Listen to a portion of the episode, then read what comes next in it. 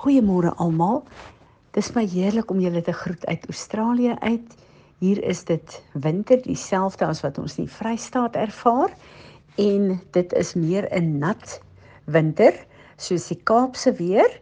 Uh nie die droë winter van die Vrystaat nie, maar dis heerlik hier en Klein Fransie is te pragtig. Ek en Johan geniet daar regtig baie. Ek het ver oggend sommer net 'n 'n lekker um gedagte op my hart oor 'n Hebreëse woord ehm um, wat hagga is wat beteken om te mediteer.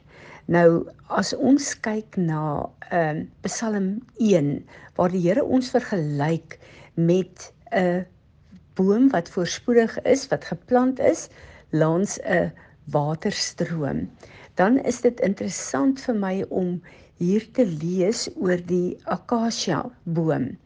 En ek wil gou-gou vir julle hierdie stukkie lees.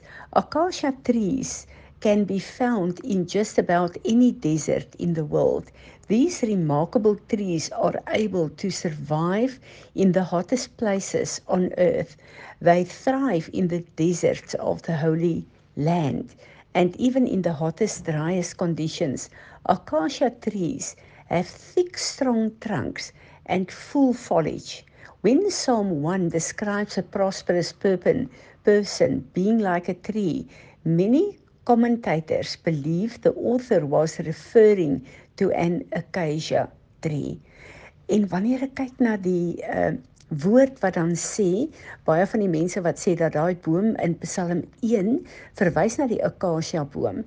En dan uh, besef ons die acacia boom is een van die bome wat uh die beste droogtes kan uh oorleef en ek lees hierdie stukkie vir julle but do you want to survive life's droughts like a acacia tree do you want to thrive uh when the going gets tough then you will you need to mull over God's word in your mind and even mutter about it if need be this is what it means to haga.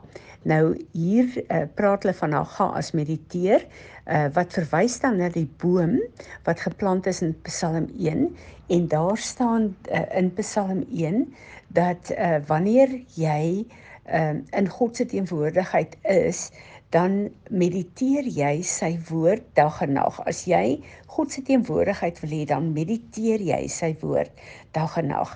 En uh, baie mense dink as jy God se woord mediteer, dan sit jy op 'n stoel en jy lees die woord en jy bedink dit en jy nee, nee, mediteer die woord hagag in die ehm uh, haga in die Hebreëus beteken om te mutter or to make a sound.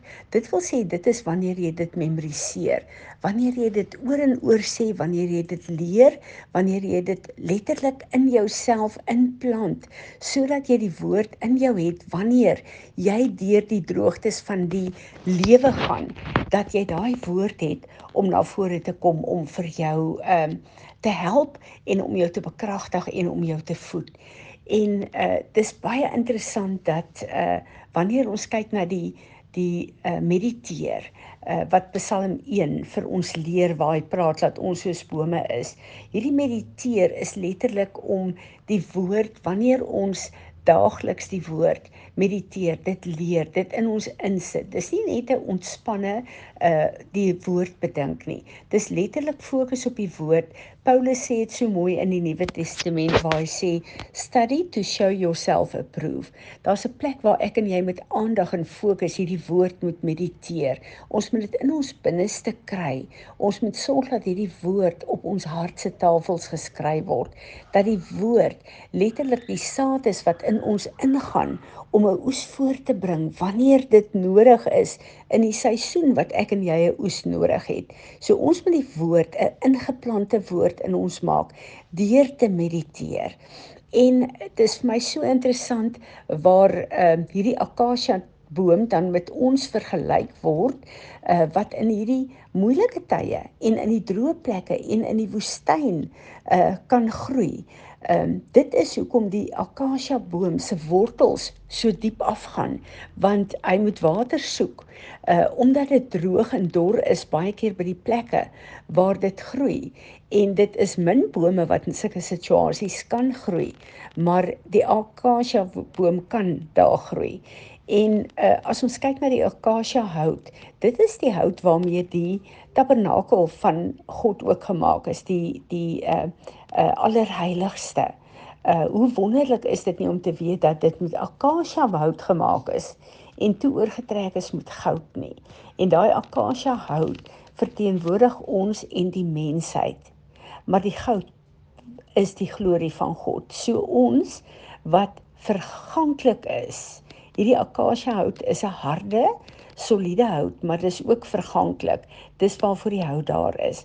Maar deur Jesus Christus aan te neem, word ons oor trek met God se glorie en dan het ons ewigheidswaarde en dis vir my 'n lieflike gedagte hier waar die akasia hout daarmee vergelyk word en ehm um, ja dit is vir my wonderlik om te weet dat uh die simboliek waarmee God ons vergelyk is die akasia boom wat deur baie seisoene moet gaan, wat deur moeilike omstandighede moet groei, wat sy vrug voortbring in moeilike omstandighede wat wat se wortels diep afgaan. 'n Boom wat se wortels diep afgaan is 'n boom wat water soek en dis 'n boom wat stewig geanker is omdat sy wortels diep af is. En uh wanneer ons kyk na hierdie hele simboliek wat die Here vir ons wys, dan besef ons dat daar soveel beeldspraak in die woord wat God gebruik het vir my en jou om ons te bemoedig, maar om ook waarde te gee van hoe God ons geskaap het en hoe God in sy woord alles opgeteken het om vir ons 'n dieper verstaan te gee van wie ons is en van wie hy is. En uh, ja, ek bly uh dink aan hierdie boom wat so 'n uh, 'n uh, 'n uh, ryk blare en skaduwee gee, maar wat se uh tak uh takke en se se hele struktuur so wyd kan uitsprei. En uh wanneer ek daarna kyk, dan besef ek dat uh, ons kan op moeilike plekke mense se lewens aanraak en nie net vir hulle vrug gee nie, maar ook skade weer gee wanneer dit nodig is. En uh om al die seisoene wat die lewe vir ons gee te kan deurstaan en om steeds nog uh te bly staan um en te wees wie God ons geskaap het om te wees. Vader, dankie Dankie vir u woord. Dankie vir die rykheid van u woord. Dankie dat hoe meer ons u woord leer ken en die detail daarvan leer ken, hoe meer besef ons Here dat elke woord in u uh, elke woord in uh, uh, die Bybel vir ons so ryke betekenis het, Here, en dat dit ons toer is en dat dit vir ons 'n uh, 'n groter dieper prentjie gee van wie u is, maar ook van wie u ons gemaak het, Here. En dankie dat u woord ons so veilig laat voel. Here Jesus, dankie dat ons nie net 'n boom is wat baie seisoene en omstandighede kan weerstaan nie, deurstaan nie, maar ook dat ons geplant is in u woord wat vir ons die water gee wat nodig is, Here, om te groei sodat u eer daarvoor gegee kan word. Here Jesus, dankie dat U gekom het en dat U ons letterlik kom plant het in U woord. Amen.